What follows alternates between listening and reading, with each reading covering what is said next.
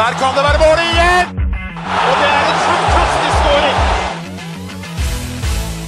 Så kommer den! Vi er våre beste menn. Vi har jo en del vi skal gå gjennom i dag. Skal vi bare, bare kjøre på med episoden vår? Ja, la oss gjøre det. Kjør. Heia Norge. Heia Norge. Heia Norge.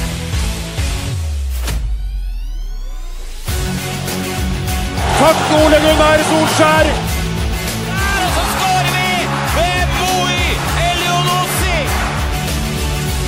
Rekdal skyter i mål! Og Norge leder 1-0! Så kommer den! Det er Tariq Elunussi som har sist på den! Martin Ødegaard! Hjertelig velkommen til alle våre følgere og lyttere der ute til det som er tidenes aller første episode, Holdpatten på 250 av våre bestemenns podkast om norsk landslagsfotball. Mitt navn det er Jonny Normann Olsen, og med meg her på Ullevål stadion i dag Rabagassen fra Raufoss, Torstein Børge. Ja, hei sann. Episode 250, og hverdagshelten fra Bogerud, Petter Hermansen, eh, er ikke her. Nei, han glimrer med sitt fravær i dag. Ja. Da får vi bare trøkke til. Og så er vi jo liksom på nasjonalarenaen, da. Så det er jo Vi må jo, må jo feire det litt. Vi kan ikke klage over den utsikten vi har her fra Ørnlosjen. På ingen måte. som vi er sitter i nå. Ja. Du, Vi skal straks introdusere gjesten vår. Vi må bare ta, ta to år om din helg, for den har ikke vært fotballmessig. Det har vært eh, Ramstein. Ja, vi måtte Nå spilte jo utafor eh, verandadøra mi i fjor, på Bjerke. Eh, da valgte jeg ikke å dra. Eh, så da dro jeg heller til Odense i Danmark. Ja, helt naturlig. Helt Helt naturlig. Neida, så det var uh, artig. Det var uh, mye fest og moro. Og uh, avslutta med Ramstein. Det var helt perfekt. Og så var det en tur uh, hjemover. Og følge med på Raufoss-Fredrikstad da, på, på sånn halvveis 4G-nett uh, nedi der. Det var ålreit uh, første gang. Eh, skaper ikke veldig mye, slipper ikke til veldig mye. Så greit nok det. Andre gangen tar ledelsen Loris Metler, da. Den dødballfoten er jo klasse. Det er jo Johan Arning all over again. Eh, og så um, rotes det til på overtid. Er- det skal drøyes ti nede ved hjørneflagget ved to-tre anledninger på corneret. Slår eh, feil, det. Kontrer Fredrikstad og får litt trøkk siste to minutta der. Og så er det Hvem i all verden var det som Det var, var så mye klabb av babyen der at jeg husker ikke hvem som utligna. Men eh, det var egentlig revnende likegyldig. Det nok et poeng da som ryker på slutten og klarer ikke å holde på en ledelse, og det er eh, ja, var vel en periode på 14.-plass. Jeg lurer på om den ligger på 13. nå. Fordi Mjøndalen vant på slutten Ja, Jeg husker ikke helt, men det er, eh, det er, vi er nede i sumpa der sammen med, sammen med gjengen din, Ja. dessverre. Jeg er mest overraska at Fredrikstad var i en kamp hvor det ble skåret mer enn ett mål. Det har vært litt sånn ja, men var var jo da mot Åsane sist òg. Henrik ble Ja, det rant inn, og så ble det hele tre mål. Ja. Det er utrolig hva som skjer på Fredrikstad. Men Ja. nei, du, du, er A-poeng med mitt elskede Skeid, yep. som uh, vant eh, 2-0 over eh, Bryne. Ja. Ja, og, ja. Og 2-1. det- Nei, 2-0. Var det to? Det Ja, sto, ja, ja, det sto nei, nei, nei. Jeg var på Nordre Åsen, vi holdt nullen. Jeg, er- ganske sikker på det. Ganske sikker. Og nå er det vel bare tre uker til eh, VBM Classico på Rødfoss? Eh, ja, dæven, det stemmer det. Ja. Ja, Da er vi bitre fiender i 245. Ja. Men i dag er vi venner. Ja, vi går videre, Vi går videre. Vi har storfint besøk, kjære lyttere. Det er, Vi er kun uker unna, Torstein, U21-EM. Mm. Det er første gang på ti år. Jeg husker jeg satt benket foran TV-en for ti år siden, fulgte med noen U21-gutta herja nede i Israel, tror jeg det var. Det tror det var der det var. Ja. Nå er de tilbake i EM, og da er det jo kjempegøy for oss at vi har fått storfint besøk. Eller det er vel vi som er på besøk. Vi er- vi er på besøk, sett, vi er på besøk. på besøk hos Vi er på besøk hos deg, vi. Leif Gunnar Smerud, velkommen til Våre bestemenns podkast. Tusen takk og hjertelig velkomne skal dere være. Ja, takk. Det, det blir mye velkommen her nå. Det er, det, vi er jo teknisk sett gjester hos deg. Må er si det. Det er dere. Men jeg er vel gjest her, jeg òg. Så vi er vel alle gjester når det kommer til landslaget, vil jeg tro. Du, vi, vi må gå rett på sak her nå. Det er, eh, det er en uke til dere setter dere på flyet til Er det Romania eller Georgia som er base? Vi skal først til Østerrike på en pre-camp. Ja. Så skal vi til Romania. Det- Og den eneste måten å komme til Georgia på, er å gå til finalen. Så jeg håper okay. vi skal til Georgia òg. Ja. Men det er et stykke dette. All right, så kampene skal foregå i Romania. For vår del eh, fram til en eventuell finale, Ja. ja. Hvordan er, hvordan, er, er- hvordan er følelsen nå? Har du sommerfugl i magen? Er det reisefeber? Altså, hva, hva foregår i hodet til Leif Gunnar Smerud akkurat nå? Jeg merker vel at uh, det nærmer seg konkurranse, og jeg lukter litt sagmugg igjen. Det er jo Mm. et år siden uh, konkurransekamper, og det er veldig lenge. Så jeg merker at sånn fokus begynner å dra seg til. Uh, Det har vært mye forberedelser, men nå kribler det som i gamle dager når eh, det nærmer seg seriestart, egentlig. Ja, og jeg vil tro det kribler ekstra litt like mye i ditt trenerteam, og ikke minst i spillergruppa, vil jeg tro. Ja, det er en uh, veldig klar gjeng som spillerne er- er på.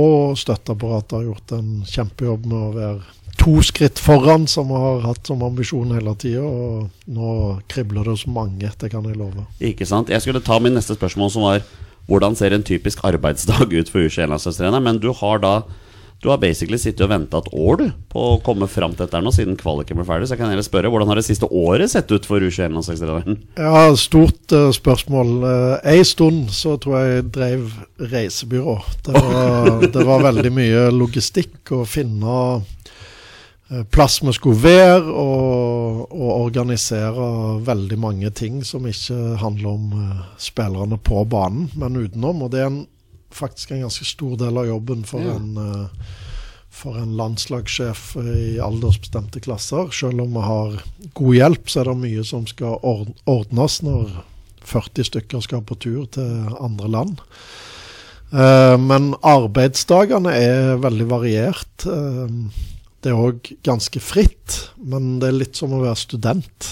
Du, du har eh, mye tid du styrer sjøl, men du har en eksamen hele tida som Mm. du skal opp til, så du må gjøre jobben. Eh, men Det er like mye festing som studenter òg? eh, eh, dessverre ikke like mye festing. Men det har ingenting med jobben å gjøre. Det, det er rom for det, men det har kanskje mer med alder og fam fam familien å gjøre. Man vokser jo opp, Torstein. Ja, det er det man jo gjør. ja, Det det er dette, ja. Det Riktig. er sånn det er. For eh, dessverre ikke ligger Nei, nei, under festing.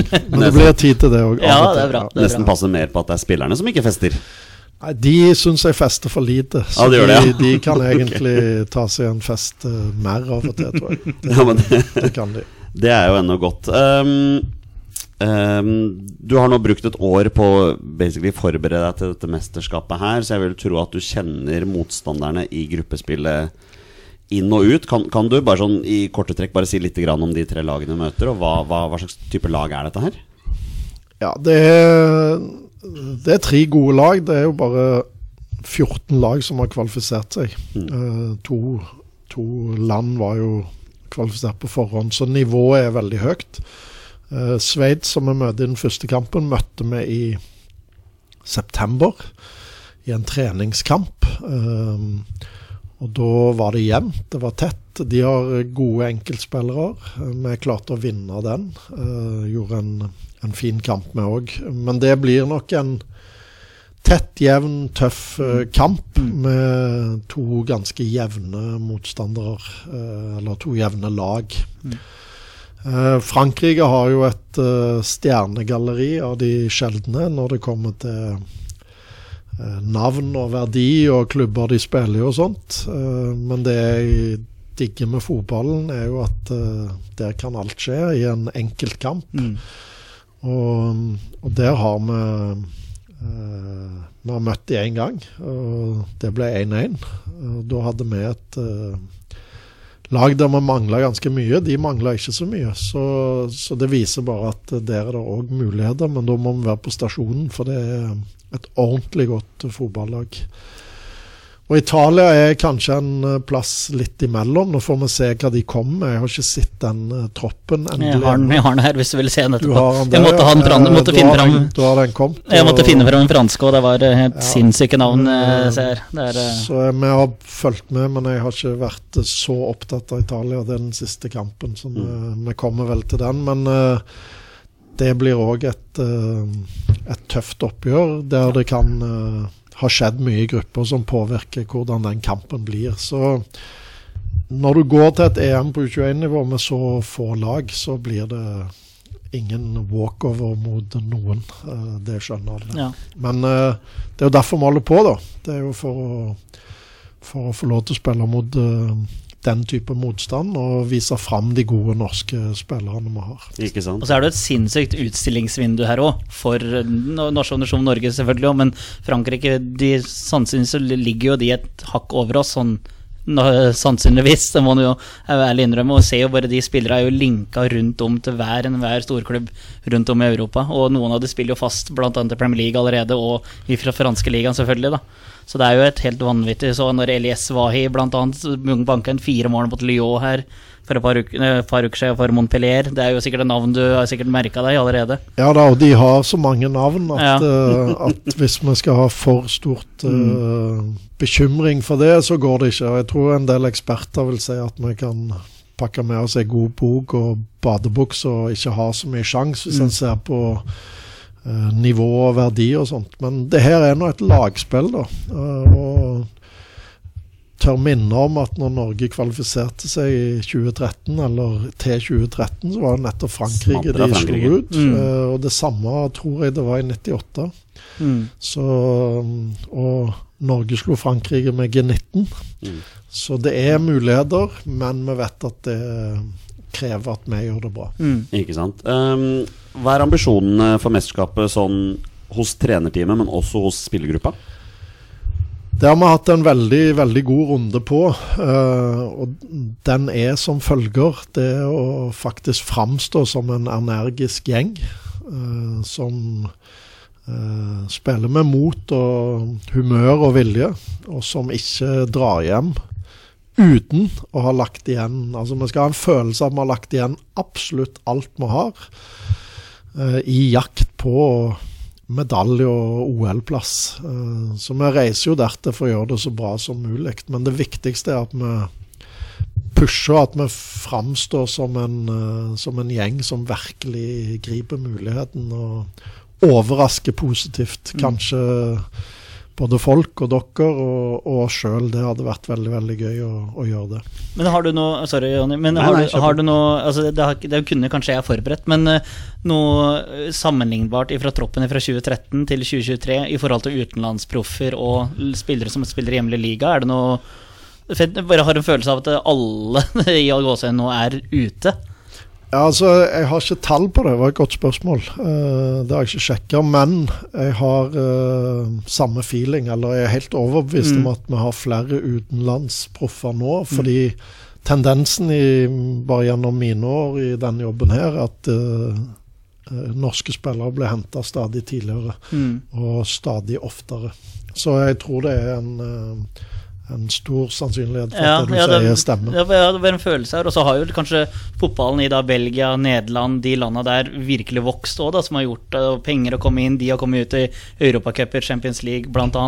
Som gjør at uh, Klubb Brygge plutselig har blitt en kjempedestinasjon. Kanskje ikke det, så Vi vet ikke hvordan de gjorde det i 2013, men det da, har jo noen spillere der òg. Så det er uh, spillere rundt om i å gå seg inn småklubber. Uh, Det er det. Så er, er mange av de småklubbene er veldig mye større enn de største norske. Så, Ja. så jeg syns jo noe av det som er, er spennende med landslag, som dere er opptatt av, det er jo litt sånn få bilde på nasjonsnivå. Altså, og, og der eh, er konkurranseforhold og rammebetingelser er veldig eh, annerledes enn i Norge. Så egentlig så gjør norske landslag det ganske så bra, hvis en tar eh, betingelsene vi kjemper under. Jeg tror det er Eintracht Frankfurt jeg, som er brukt som sånn referanse på å ha samme omsetning som hele norsk toppfotball. ja. De 32 største tilsvarer Eintracht Frankfurt. Ja, riktig, så da har han et bilde av dette. eh, Ikke sant, det er interessant. Og det er middelaldersvarer i Bundesliga. Ja. Jeg måtte sjekke noe bare for gøy. Ja. Eh, Du har tatt ut syv hjemlige spillere i den troppen nå. Det ble tatt ut elleve hjemlige spillere Ja. i 2013. Ja. For, eh, for ti år siden. Så det er ikke sånn kjempestor forskjell, men, men det er en forskjell der. ja. Liksom. Ehm, og jeg vil jo tro at uh, når eh, motstandernes speidere driver og scouter på klubbene til disse nordmennene og tatt ut, så er det vel noen som stusser over at det står Stjørdalsblink på, på, den ene, på den ene keeperen her. Og du sa det jo sjøl under pressekonferansen at det var et navn de fleste ikke hadde hørt om. Rasmus Sandberg. Det er det. Så jeg tror både han og en del andre fikk seg en liten overraskelse når, eh, når han skulle være med. Men det er jo igjen noe av sjarmen, da. Det er at, eh, at uh, det er mange ulike karriereveier, og det er man, mange som plutselig har fått seg en sjanse. Og nå gjelder det sånn sett å bare nyte den for Rasmus. Og vi vet at han kommer til å bidra til, til U21-laget på en flott måte, som Masittan har gjort for Stjørdal. Du må jo ta med en som kan gå på vannet, Ja, snakker om, snakker og gjør vann til vin, Ja, som han det- òg har gjort. Det var eh, vel siste- akkurat det han gjorde, for dager etterpå så var det med å slå ut Rosenborg av cupen. Så det må ha vært eh, Du bidro til det, tenker jeg. At ja, uh, Rosenborg ble slått av cupen der. det, jeg tror ikke jeg skal ta for mye av den, men uh, kanskje han fikk en liten Ja. pift. uh, Jeg gir deg positiv den. retning. Jeg Takk, gir deg takk den. skal du ha. Han er jo, han er jo også kaptein for Stjørdals Blink. Ja. Den, Du hadde eh, jo vanvittig en peptalk. Uh, Fin den. Ja, Greit å det få den på TV. Det var deilig, Ja. det. Eh, vi har jo selvfølgelig fått noen litt sånn småkritiske spørsmål også, Leif Gunnar, så vi må ikke bare kjøre på med det òg. Espen Skarpsno, siden vi snakker om keeperne. En keeper fra Post Nordligaen og en benkesliter i Leeds er tatt med. Hva har Magnus Sjøeng gjort galt?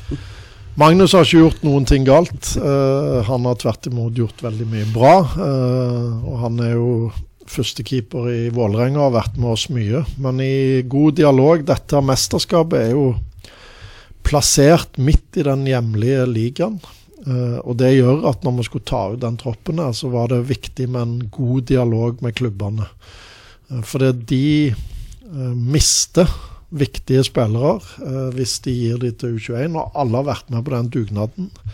I dette tilfellet så ble det rett for oss å velge Rasmus foran Magnus i en total kabal for norsk fotball. Eh, og det, Magnus var òg veldig motivert til å være hjemme og spille for uh, Vålerenga i den perioden. Eh, så Magnus eh, har ikke gjort noe galt, tvert imot. Og det er vel, sånn, så det er vel Mats Hedenstad Christiansen som er ditt foretrukne førstevalg, som kommer til å stå disse kampene. Det gjenstår å se. Jeg tar Nei, ikke ut nå vil jeg jeg tar. Jeg tar ikke ut noe, noe lag her, men Mats har gjort en, eh, en veldig fin eh, sesong, eller spilt godt for Lillestrøm over lang tid. Og han og Claesson eh, utgjør en meget god duo for det laget her. De har, de har mye å by på, og med Rasmus i tillegg så er vi godt dekka på keeperplassen. Så, men laget får du ikke. Men vi, vi pleier ikke å være like diplomatiske vi når vi sitter i studio. Nei da, vi må, vi må ha den. Men det er helt greit. Nå er vi, nå er vi, nå er vi gjester. eh, Vi, vi er gjester, Vi vi er er, snille gutter. Uh, Tredjemann i teamet vårt, Petter Hermansen, hadde ikke muligheten til å komme i dag, Leif, men han har stilt et spørsmål. Han lurer på, han er Leeds-mann, da, Petter. Og da skjønner du hvor jeg skal. Hvilken innvirkning har Kristoffer Classons rolle som tredjekeeper i Leeds hatt på U21-landslaget?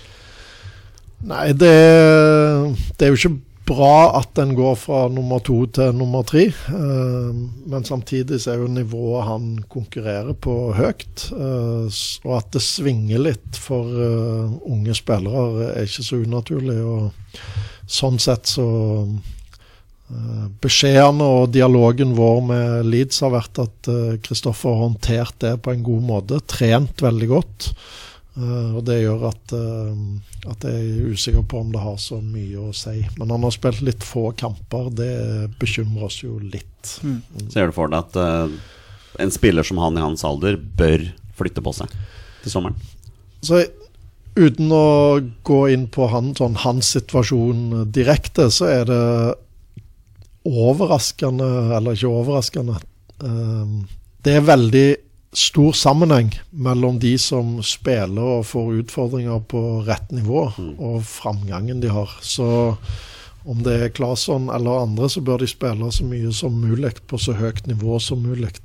Om han skal gå for Leeds eller ikke, er umulig å svare på for meg. Det avhenger av hvem andre han kan gå til, og Mm. hva Leeds sier, og hvordan han føler at utviklingen er. Så det overlater det til spillerne. Spilletid er jo åpenbart Generelt, viktig, ja. spesielt Ja, i den alderen. det er det. Samtidig så viste jo Erik Botheim i fjor at han eh, kunne levere uten et minutt. Godt Så, poeng, godt så, så dette er, eh, I kortere perioder så kan han klare seg uten, men det er klart eh, Du må nesten spille fotball hvis du skal bli bedre å spille fotball.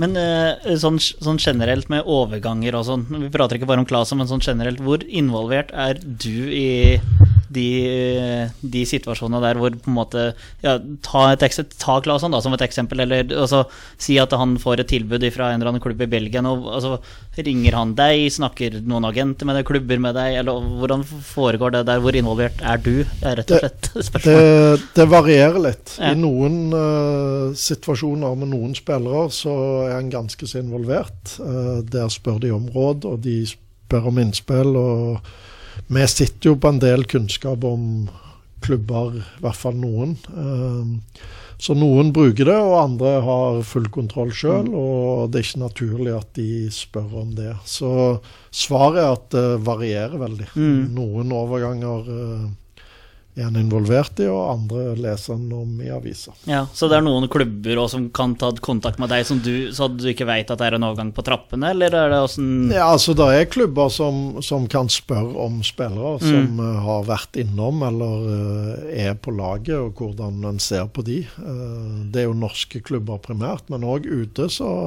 så brukes vi som referanse iblant. Og, jeg tror en del spillere undervurderer at trenere snakker sammen. Eh, og, og oh, ja. det er selvfølgelig nyttig for trenere å vite hva type er dette osv. Og, så og det, det bør de tenke på. Interessant. Interessant. Ja, ja.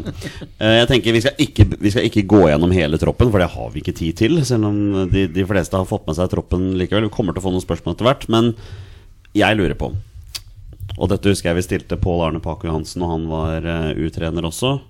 Hvor vanskelig er det å ta ut en tropp til en mesterskap som dette? Ja, her i dette tilfellet har det vært eh, sånn i utgangspunktet veldig krevende. Fordi det har vært eh, en enorm bredde, særlig på midten og framover. Eh, så har det vært eh, veldig mange ganske jevne, spennende unge norske spillere. eh, ganske like typer. Og så har det blitt eh, litt enklere når det liksom nærmer seg, og du ser hvem som spiller og er i form, og hvem som gjør det bra og, og så videre. Så til slutt så var det bare veldig vanskelig. Enkelt og greit. Så det, det var Det har vært mange runder, mange gode diskusjoner, enormt mange observasjoner. Um, og så er det egentlig en avveining der det er så mange faktorer som spiller inn at det er jo ikke et rett svar. Uh, og da er det både enkelt og både vanskelig, fordi det er jo bare for meg å ta ut de jeg mener rett, eh, og samtidig å forklare og forsvare osv. Det er veldig vanskelig. Så eh, til slutt må en følge den eh, feelingen en har på hva som er best for laget. og i motsetning til hva folk tror, så er vi ikke kjøpt og betalt osv. Så, videre, så så vi, vi, det. vi har eh, sånn sett ikke solgt noen plasser her, og dermed så tar en ut det en mener er best. Eh, ikke lett, men sånn eh, name of the game er at det er min jobb å gjøre det. Men eh, kan jeg bare eh, For vi, når vi har sånne U-episoder, eh, så får vi ofte spørsmål om Oscar Bob, Antone Nusa og Andreas Schjelderup. Vi kan droppe Schjelderup, da, men Oscar Bob og Antone Nusa Det er kamper som vi ikke ser. Det tar vi oss ikke tida til å se ut, men det, tenker, det er jo litt av jobben din å se deres kamper. Hva kan du si om utviklinga til de to? Altså Oscar har vi jo hatt med oss på U21 noen ganger nå. Eh, han har gjort eh, noen veldig gode sesonger for eh, U23 og U21-laget, det heter vel U21 nå, mm. til Manchester City. Jeg tror han ble årets spiller for andre år på rad. Så han, han eh, har noen ferdigheter som jeg tenker at vi vil få nytte av og bruk for i, i EM, og han har sett eh, bra ut. Eh, en veldig fin gutt. og Eh, det skal bli spennende å følge han framover. Mm. Nusa har vi jo ikke hatt med. Det tilhører sjeldenheten at vi tar ut så unge. Den yngste som har vært med her før, har vært Skjeldrup. Eh, og så så vi at Nusa har eh, noen ferdigheter òg som vi ikke har så mye av. En, en veldig spennende kombinasjon av fart og teknikk. Mm. Eh, driv, liksom, ser det ja, ut. Ja. og, og det tror jeg vi kan få bruk for, da. Og så Mm. kan du si ja, hva med Schjelderup, og hva med sånn og sånn. Og jeg skulle gjerne hatt med flere, men vi trenger ulike typer. Mm. Eh, og uh, da landa vi på, på Nusa denne gangen, og gleder oss til å bli kjent med han. Ja, for det var litt sånn Grunnen til spurte var jo at vi har jo sånn kanteutfordringer, litt sånn som vi ser det på A-landslaget. Så det er litt interessant å prate på kanskje de to heiteste da, av prospekta kanskje på etter, i etter mesterskapet. Men samtidig skal jo også U19 spille mesterskap. Absolutt. Så jeg vil tro at Schjelderup kanskje Han er vel i den troppen? Ja, nå er ikke den tatt ut ennå. Og, Nei, men det var da som bare og det, det er jo òg sånn her at eh, de her mesterskapene ligger jo utenfor internasjonal dato. Ja. Som jo betyr at eh, klubbene skal frigi spillere. Uh, og der, uh, når det gjelder 19, så har ikke jeg oversikt. Men, men det er jo en del av bildet her er at vi er prisgitt klubbene. Eh, og der vil jeg benytte sjansen til å rose de norske for den dugnadsånden, og takke de utenlandske som har sluppet sine. Er det, er det noen av disse klubbene som sender inn noen sånne restriksjoner at han får bare spille 45 minutter, sånne ting? Nei, det går vi ikke med på i så fall. Nei, så bra. så Bra. så det, den type dealing gjør vi ikke, og det ville vært veldig vanskelig å sitte der og uh, ha sånne økser hengende. Nei, jeg må ta ut han nå, for han, han har spilt sin kvote. Det er ikke kjøre hviletid. Og, så urettferdig for spilleren nå, da. Som Ja. liksom bare veit at ja, jeg får bare spille 45 fordi klubben min har sagt Ja. at jeg ikke får lov. Liksom. Men det er, så, det er så mange spennende navn her som du liksom har lyst til å gå nesten inn på alle. Men jeg skjønner at du ikke kan gjøre det. Men vi har jo en fransk cupmester i Varun Kamanzi òg. Det er jo òg en fyr som er litt sånn under det er alle, Du kan jo gå over alle her, men hva Du- du, du vil gå gjennom Jeg vil gå gjennom alle, men uh, hva kan du si om han, da? Det er jo en fyr. Warren gjorde en fin sesong for Tromsø. Tromsø gjør det jo bra å utvikle spillere nå. Uh, han var ganske ukjent for meg uh, fram til han gjorde det ordentlig bra der. Og vi tok han med på en samling etter noen forfall i september i fjor. Uh, han spilte bl.a. mot Sveits. Uh, og så november imponerte han ikke like mye. Da, jeg vet ikke om det var overganger, og det var noe tror ikke han var vant til at det var novemberkamp på gress og sånt, så han sleit litt på den samlinga. Men han har gjort en fin vår for uh, Toulouse. Uh, fransk cupmester. Uh, kan spille på begge sider. eh, og herlig type som eh, valgte å ta med denne gangen. Vi har jo fått en haug med spørsmål her fra våre lyttere, Torstein. Så jeg tror vi bare må gå inn på det. Åsmund er jo alltid ivrig. Han har sendt inn mange spørsmål. Jeg tar det ene her. Han lurer på I Gjelde har man noe så sjelden som en god venstrebenstopper, Er det ikke fristende å bruke han og Daland sammen og få riktig ben på stopperne, eller ser ikke Smerud noen fordel i det? Det er et interessant spørsmål. Jo, det er et uh, godt spørsmål og et, uh, en bra vurdering. Så det er absolutt et uh, alternativ å bruke han som stopper. Nå har han spilt mest back hos oss, men han kan spille stopper òg. Så får vi telle opp og se hva som lønner seg. Men det er alltid en fordel å ha eh, flere beintyper, holdt jeg på, på å si. Beintyper, ja. Eh, Vi skjønner- vi skjønner hva du mener, I, det er i laget. ja. Du mente hva jeg forsto. Ja, ja, det òg. Jeg mente hva du forsto. Ingen tvil om det. Uh, Jesper Daland er en spiller som har framtiden foran seg. Han spiller fast på et Ja, alle solid ser jo nivå. det. Men ja, men for all del, ja. Han og det er um, veldig, veldig spennende. Det er, uh, han har vel trent litt med Monaco. Jeg vet Vi kan kanskje ikke prate så mye om overganger og sånn, men uh, han har jo vært inn, innom der òg. Så um, Ja. kanskje, kanskje det skjer noe. Jeg har ikke lyst til å snakke om overganger, men jeg må, må stille spørsmål, for det fikk jeg beskjed om å spørre om. Eh, er- plages du mye av agenter? Nei. Fint. Det, Da, det er ikke mulig å kjøpe og selge landslagsspillere, så jeg slipper ganske mye av det. Ja, men så greit da. Eh, Så agentene har en viktig jobb inn mot eh, spillerne og, og ivareta de. Og, og samtidig så har de ikke så mye med landslaget å gjøre, sånn Nei, sett. nei, men så deilig, da. Eh, Jørn Henland lurer på hvordan forbereder Smerud seg selv, støtteapparat og spillerne på å unngå en eventuell brakkesyke? Ja, Det er nøkkel å være forberedt på i, i et EM. Uh, Det blir mye PlayStation på rommene, tenker jeg. Nei, men det, vi har en egen sosialkomité. Vi prøver å, å ha valgt å dra til pre-camp-hotell der det er litt aktivitet. eh, eller vi kan i hvert fall ha. Eh, og vi bor midt i et kjøpesenter, faktisk. Litt, litt tilfeldig, det. Men eh, vi var nødt til å finne et hotell utenom Uefa sin katalog. Egentlig skal du velge blant disse hotellene, men eh, i Cluj var det På den katalogen som var der, var det eh, tre gode hoteller med fire lag i gruppa. og Norge var sist rangert, så vi endte opp med svarteper, men vi fant et annet hotell. Det ligger midt i et kjøpesenter, men det trenger ikke være så dumt. Apropos brakkesyker, der er det Starbucks, og der er det uh, sikkert noen andre butikker som gjør at det skjer litt. Ellers er den gjengen her er kort gjeng. Mm. Uh, Så det det? den 0-0-gjengen De spiller kort hele tida. Så jeg tror de kan spille kort i en måned i strekk. Eh, Men vi skal ha litt eh, grilling og litt aktivitet. Hva, er det, hva slags kortspill er det det går i? Vriott Eh, Jeg har ikke vært med, så jeg, jeg, tror jeg, skal, jeg tror det går i litt forskjellig. Men hva gjør du for å koble av på sånne her ting på samlinger og Altså, vi, noe av det første vi sjekker, det er jo om det er badstue.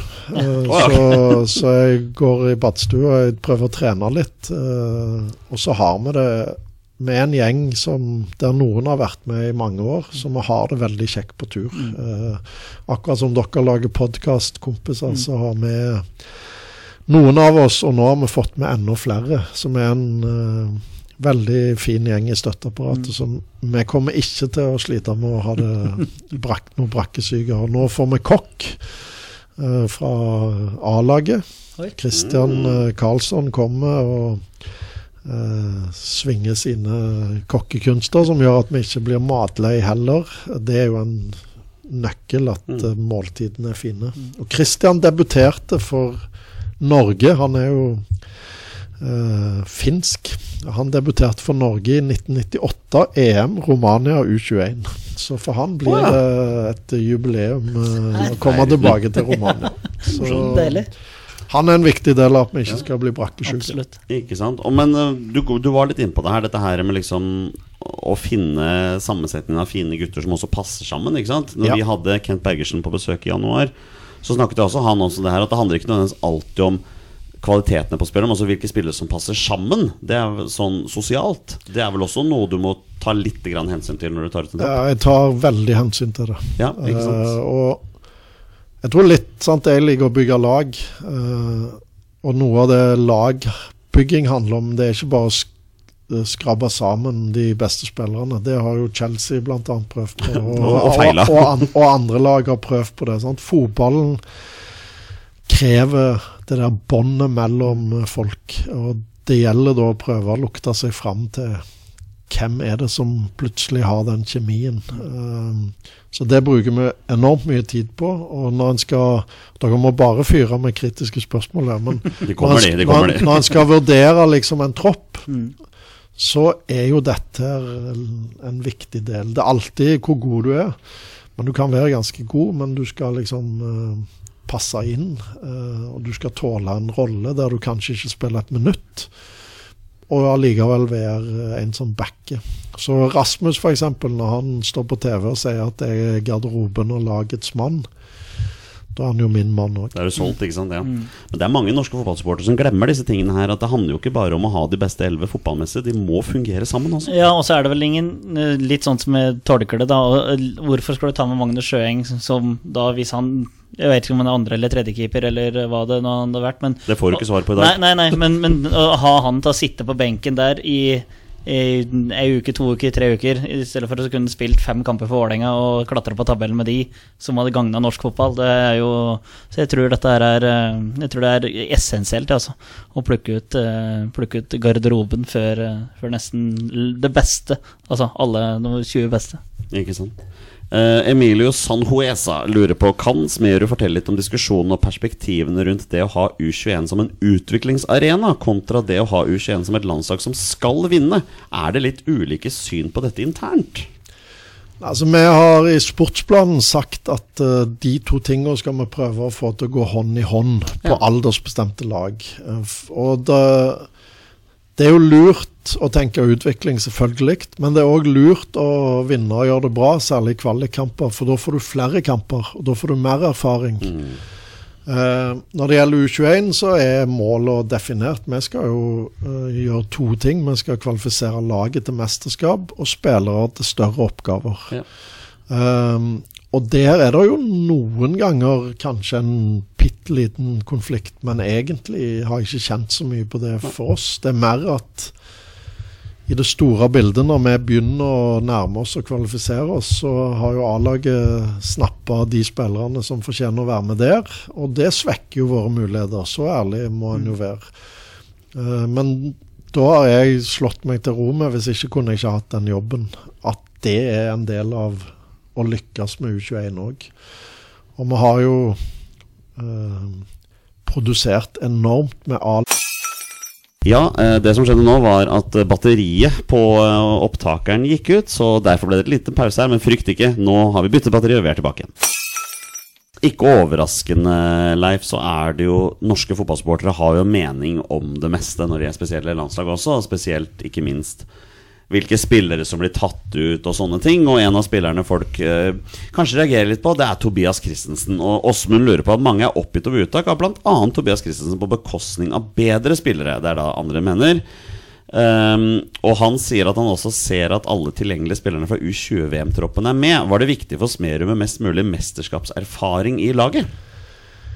Mesterskapserfaring er ikke dumt, men det var ikke noen tung faktor det denne gangen. Um, så uh, å gå inn sånn konkret på hvorfor er Tobias Christensen med og ikke Det jeg kan si om Tobias, er at han har vært en veldig viktig scenariospiller for oss. Så han har kommet inn og vært med og bidratt til å snu kamper og uh, forandre kampbilder. Uh, og så spiller jo han i et land og en klubb som kanskje ikke så mange følger, så jeg regner med at de som da kikker på det, kanskje ikke vet helt uh, hva han leverer. Uh, men for oss så er det som vi har vært innom litt før her, å ta ut en tropp der, uh, der ulike egenskaper kan bidra til at de kommer inn og ut. Der er det mye lettere når vi skal ta tropper på Fifa og sånne ting. Vi ser bare på kvalitet. Ja, men det er jo litt sånn som vi har vært inne på. Det er liksom hele,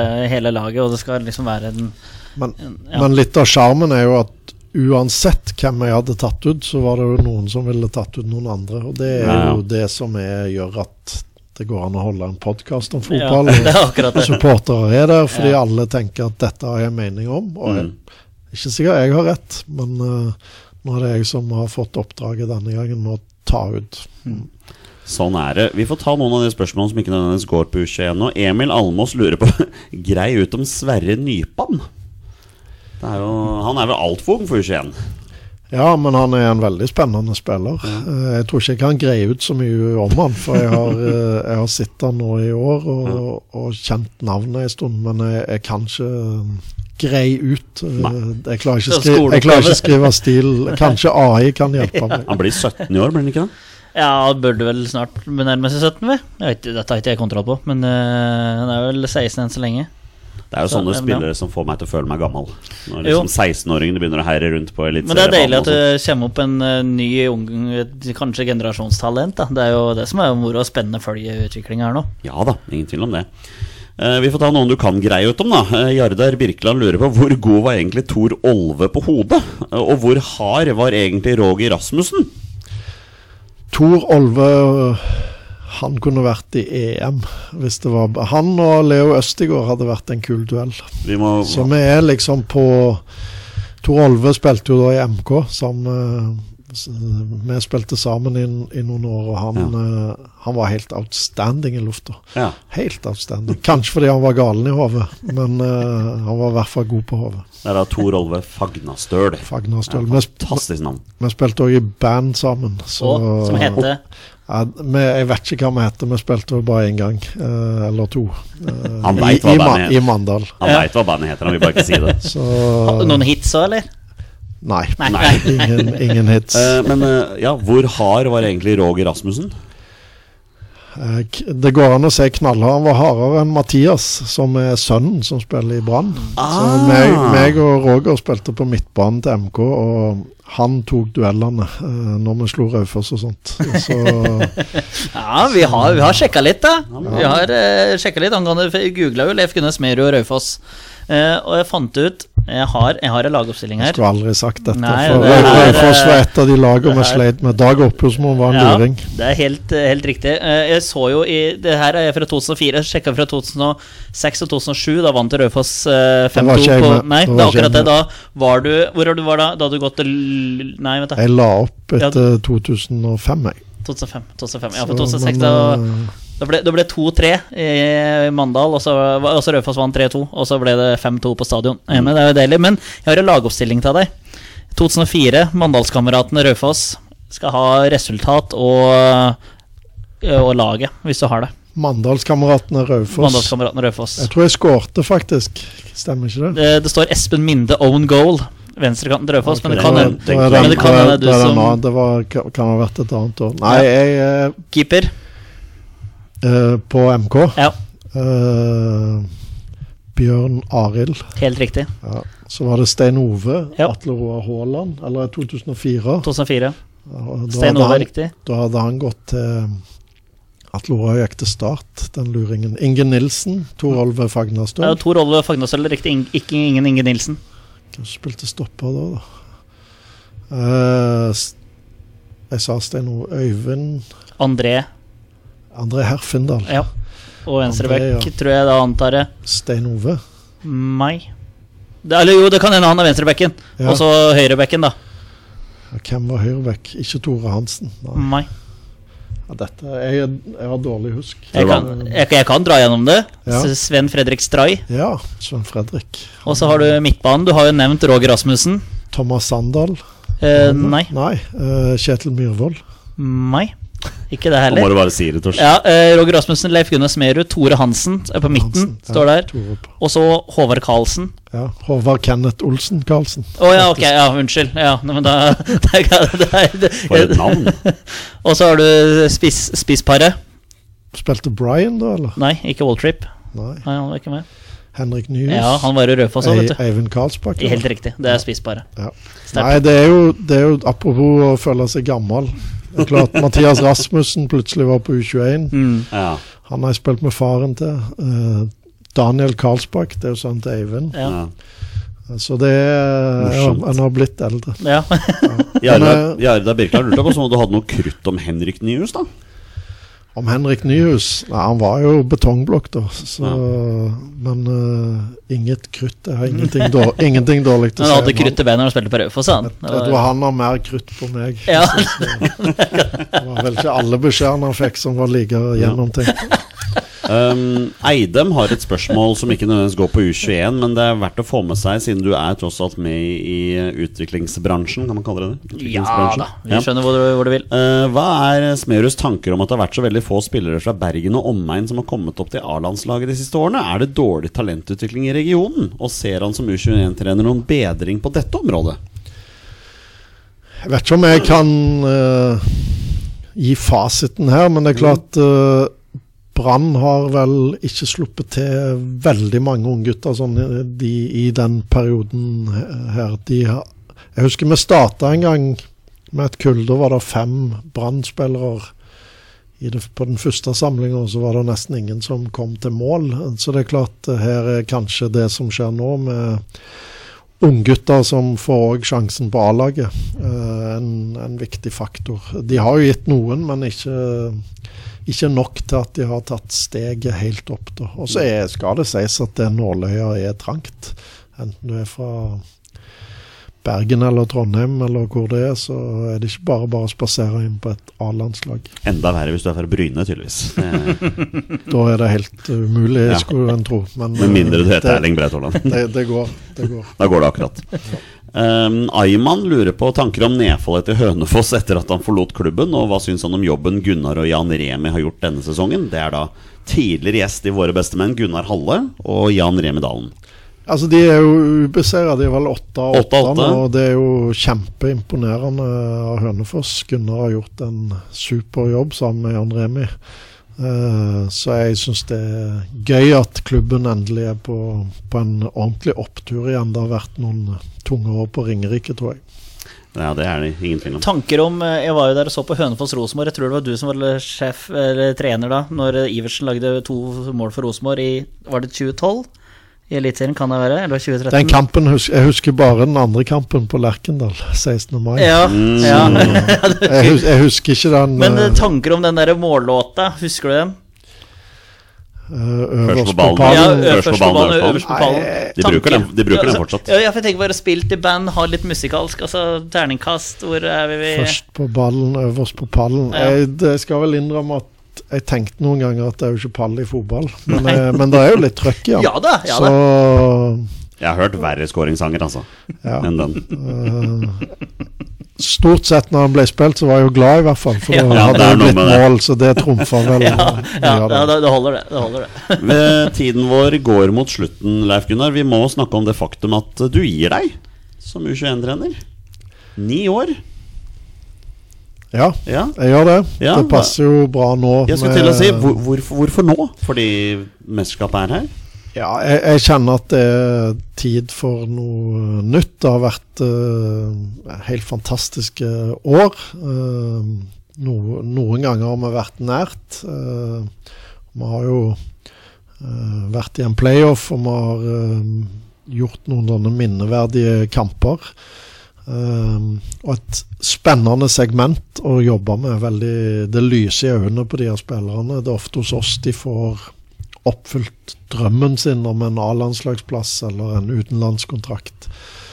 Men det er noe med å, å at det er tid for alt. Så, så jeg har lyst, lyst til å prøve noe, noe nytt og, og se hva, hva det kan bli. Eh, Det blir jo spennende å, å se nå etter EM eh, hva framtida bringer. Kribler det litt å bli klubbtrener igjen, eller?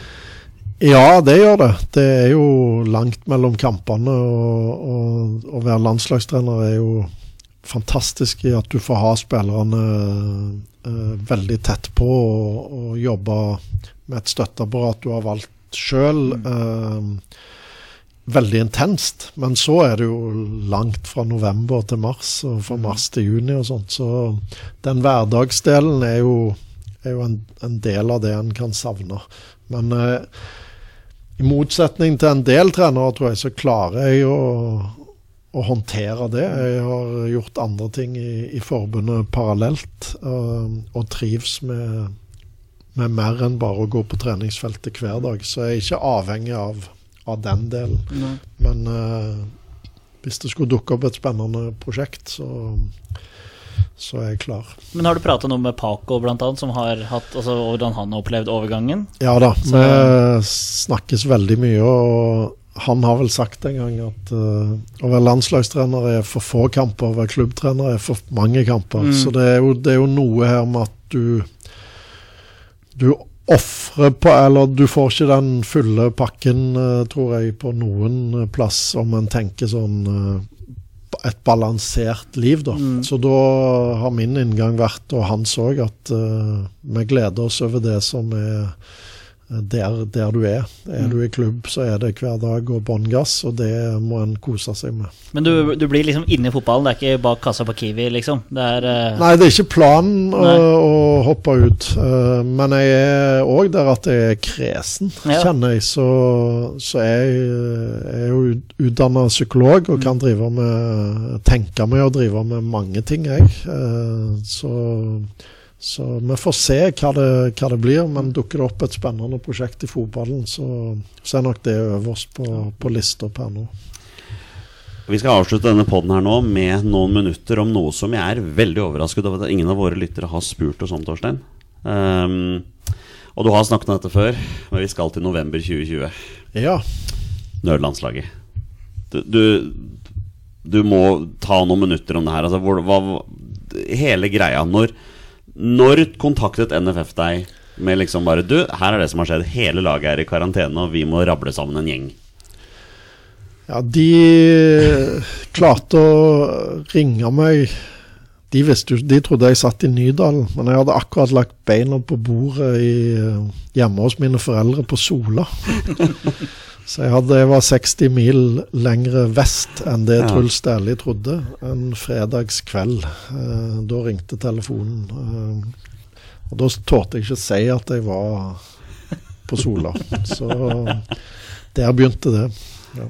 Ja, bare ta, ta igjennom oss bare sånn kjapt. Altså, ringer dem og sier liksom Du, her er greia. Vi må samle det- en gjeng. Ja, da var det vel snakk om eh, Om kanskje å prøve å få til noe allerede mot Romania. Eh, det var jo Den kampen skulle være på søndagen, tror jeg. Mm. Så jeg tenkte jo at det Det skal, skal godt gjøres. Men jeg satte meg nå i bilen uten å si et ord. Jeg hadde kjørt 60 mil med dattera mi og, den ene veien og satte meg i bilen og kjørte tilbake igjen eh, dagen etter kvelden, natta etterpå. Ah. Eh, så det var egentlig starten på det. Ja. Og så skal det da spilles en kamp i Østerrike. Det står om eh, seier Det står om avansement, altså å rykke opp, ikke minst. Og jeg har allerede fått med meg dette her at liksom Troppen hadde jo nesten ikke noe med hverandre å gjøre omtrent før første spark, fordi det var jo karantenetider. Man måtte oppholde seg hver for seg. Og jeg husker stakkars eh, Per Christian Bråtveit var vel, hadde vel testa positivt. Eller noe sånt, så var det litt usikker om han i hele tatt kunne være med. Altså, Ja, det var mye styr som vanlig, holdt jeg på å si, med, med PK. Uh, han, uh, han var jo den eneste som hadde hatt det, eller han og Veton, tror jeg. Men uh, PK hadde hatt eh, covid, og sånn sett var han safe. Men han testa først eh, inconclusive. Det kunne jo skje. Det var mange pinner i nesen i de månedene der. Og særlig for fotballspillere og trenere var det mye. Uefa-protokoll og gud vet hva. Men uh, den andre testen, den var positiv. Det skal jo ikke gå an. Men da måtte flyet vårt dra, og PK måtte bli igjen. Så han kom jo ned dagen etterpå. Og det er for så vidt sant. Vi fikk gjennomført noe videomøter og et spillermøte og ei god treningsøkt. Men det var ikke så mye vi fikk eh, av tid til å prøve å fikse dette. Men er det, den, det gikk jo eh, bra. Men åssen er det, ja, unnskyld, men er den telefonsamtalen med Ruben Gabrielsen f.eks.? Altså, altså 'Hallo, Ruben, vil ha en kamp? Skal du være med, eller?' Ja, altså- hva? Det, det, var jo, det var jo et enormt teamarbeid, så jeg snakket jo ikke med Ruben før, uh, før han kom, egentlig. uh, og, men det var jo Det ble jo ringt rundt omkring i Europa. Uh, det ble jo sjekka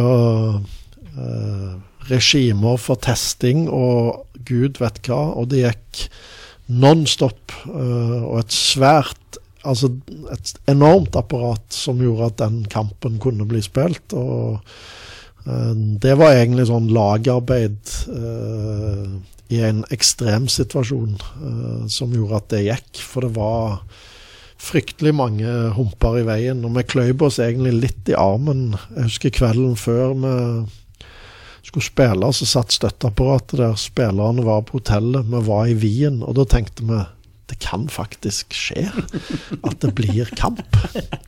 Nå, nå er jo sannsynligheten brukbar for at det blir. Men vi venta hele tida på denne Nei, han er positiv, eller Nei, det blir avlyst. Men det skjedde jo ikke. Og når vi da tok ledelsen, så tenkte jeg hm, dette, dette kan bli gøy. Ja. Så måtte dere jage en scoring til, da. Ja, Trengte jo og to. det, vi måtte det, og da uh, Jeg skulle likt å se hvordan det hadde blitt i Norge og Hvis dere hadde tatt hvis vi hadde, ja, ja. hadde fått nummer to, men da var Jeg hadde to spisser som måtte ut. Han ene hadde vært på hyttetur, tror jeg. Han andre hadde vært på tredemølla. Eh, Men, men hva sier du i garderoben før du går ut? Altså, Lykke til, gutter, jeg veit navnet på halvparten av dekk. Eller altså, hva er det du det, her var det alle, alle muligheter for de til å, til å være med på noe de sannsynligvis ikke kom til å få være med på så mange ganger. Uh, og så var det rett og slett bare å be de kose seg, være, eh, være opptatt. vi, vi måtte spille oss inn i kampen, liksom. Vi måtte bruke første kvarteret som det var de første 15 kampene. Eh, men vi, vi kom fra det. Vi burde jo lede både 1 og 2-0. Eh, så det var en, et minne for livet. Det, og det, var, det viser jo litt hva som ligger i et lag når de kommer sammen da, og tør å være modig og offensiv i hodet. Det var jo ikke sånn at vi bare lå og murte igjen eh, heller. Vi, vi spilte en god fotballkamp. Og ikke minst, Andreas Vindheim har én A-landskamp som spiss. ja. Ja, det var, det var han eller meg, holdt jeg på å si. Så, så no, noen måtte inn og spille spiss der, og, og da ble det han. Men det må ha vært en utrolig spesiell stemning i garderoben før dere skal utpå der. Og da tenker jeg på en spiller som Mats Møller Dæhlie. Som liksom Han har ikke vært med på noe lignende, men med hans erfaring og hans rutine, så må jo han ha spilt en enormt viktig rolle. Ja, han hadde vel eh, 25 kamper eller 34, eller jeg er dårlig på tall. Men hadde, han hadde noen kamper, men det var ikke så mange andre enn han som, som hadde det. Men de hadde jo spilt fotball før, som Ruben sa. Og det var jo litt av greia her. Det var jo veldig mange gode fotballspillere. Og sant, det er mye spørsmål rundt det EM-uttaket og en del Om han ene er bitte litt bedre enn han andre. Hvis du har rett attitude, hvis du har kjemien, hvis du har det båndet mellom spillerne, så er det mye viktigere enn om han satt på spissen, tar 40 eller 50 på triksen, liksom. Det er noe med å sette sammen lag som gjør denne idretten eh, så spesiell. Eh, og nødlandslaget er jo et eksempel på det. Eh, det var jo det var jo eh, en unik gjeng som satte en tone med humor og glede og ureddhet som, eh, som vi kunne flyte på. Nå er jo dette her faktisk to og et halvt år siden, og da Ja. føler jeg at det er innafor å spørre Er du bitter på Jørgen Strand Larsen for at han ikke skåret den kampen? Nei, Jørgen eh, har jeg vanskelig for å være bitter på. Han kom fra ikke ha rørt en ball han på 14 dager. Og han ante jo ikke at han skulle spille en landskamp eh, den onsdagen. Eh, Han er men så- han er så jeg- nær å skåre score ganger. noen Men jeg tror, jeg tror Jørgen er bitter. Så han, han får ta det igjen i EM. Ja, vi, vi, vi, han, han, får, han får skylda Norge en skåring da. Jeg håper han hører på det. Han har vært hos oss to ganger før. Ja. Altså på telefonintervju. Så Ja. en fantastisk fin fyr. Ja, utrolig fin fyr. Og- Så de klarte seg i går mot Barcelona. Det var viktig. Det var viktig å komme inn siste 20 der, cirka. Ja. Men når vi først er inne på fantastiske fyrer, eh, Torstein. Leif Gunnar Smerud. Det har vært kjempegøy å sitte her og prate med deg. Vi har vel passert en time, tror jeg. Det kan ikke være langt unna, i hvert fall. Følte, føltes som ti minutter. Ja, faktisk. Håper du har hatt det gøy? Jeg har hatt det veldig fint. Jeg syns landslagsfotballen At de får en egen podkast som følger oss tett, og gjerne kritisk og engasjert, er jo poenget. Det her er det, det skal være avbrekk i hverdagen for folk mm. med fotball. eh, og ingenting slår jo landslaget eh, for herrer og kvinner, og for så vidt U21 aldersbestemte. Så tusen takk for at dere lager pod om det. Det syns jeg er veldig kult. Det er veldig hyggelig. Og vi booker deg etter, eh, etter eh, Vi har vært på jeg var sier på Hønefoss, på pallen i eh, G, nei, GC U21-mesterskapet, og så tar vi med en spiller òg. Ja, For du får det- prate godt for oss. Det må vi gjøre. Kan vi velge spiller da, tror du? Eller eh, må man ta den? Det kan du. Hvis ja. Vi har vært på pallen i, Ja. i EM, så skal vi til OL, og da- kan dere ta med oss, ta med oss en spiller. Ja, perfekt. Takk. Torstein, har du, har du hatt det bra? Ja, helt suverent. Dette er eh, takke for muligheten til å både være her og prate med, prate med Leif Gunnar. Det er helt, eh, helt nydelig. Ja, og med det er det på tide å avslutte episoden for denne gang. Mm. Tusen takk til dere som hører på. Dere er fantastiske mennesker. Vi er våre beste menn. Heia Norge. Hei, Norge! Heia Norge. Og hei! Hey!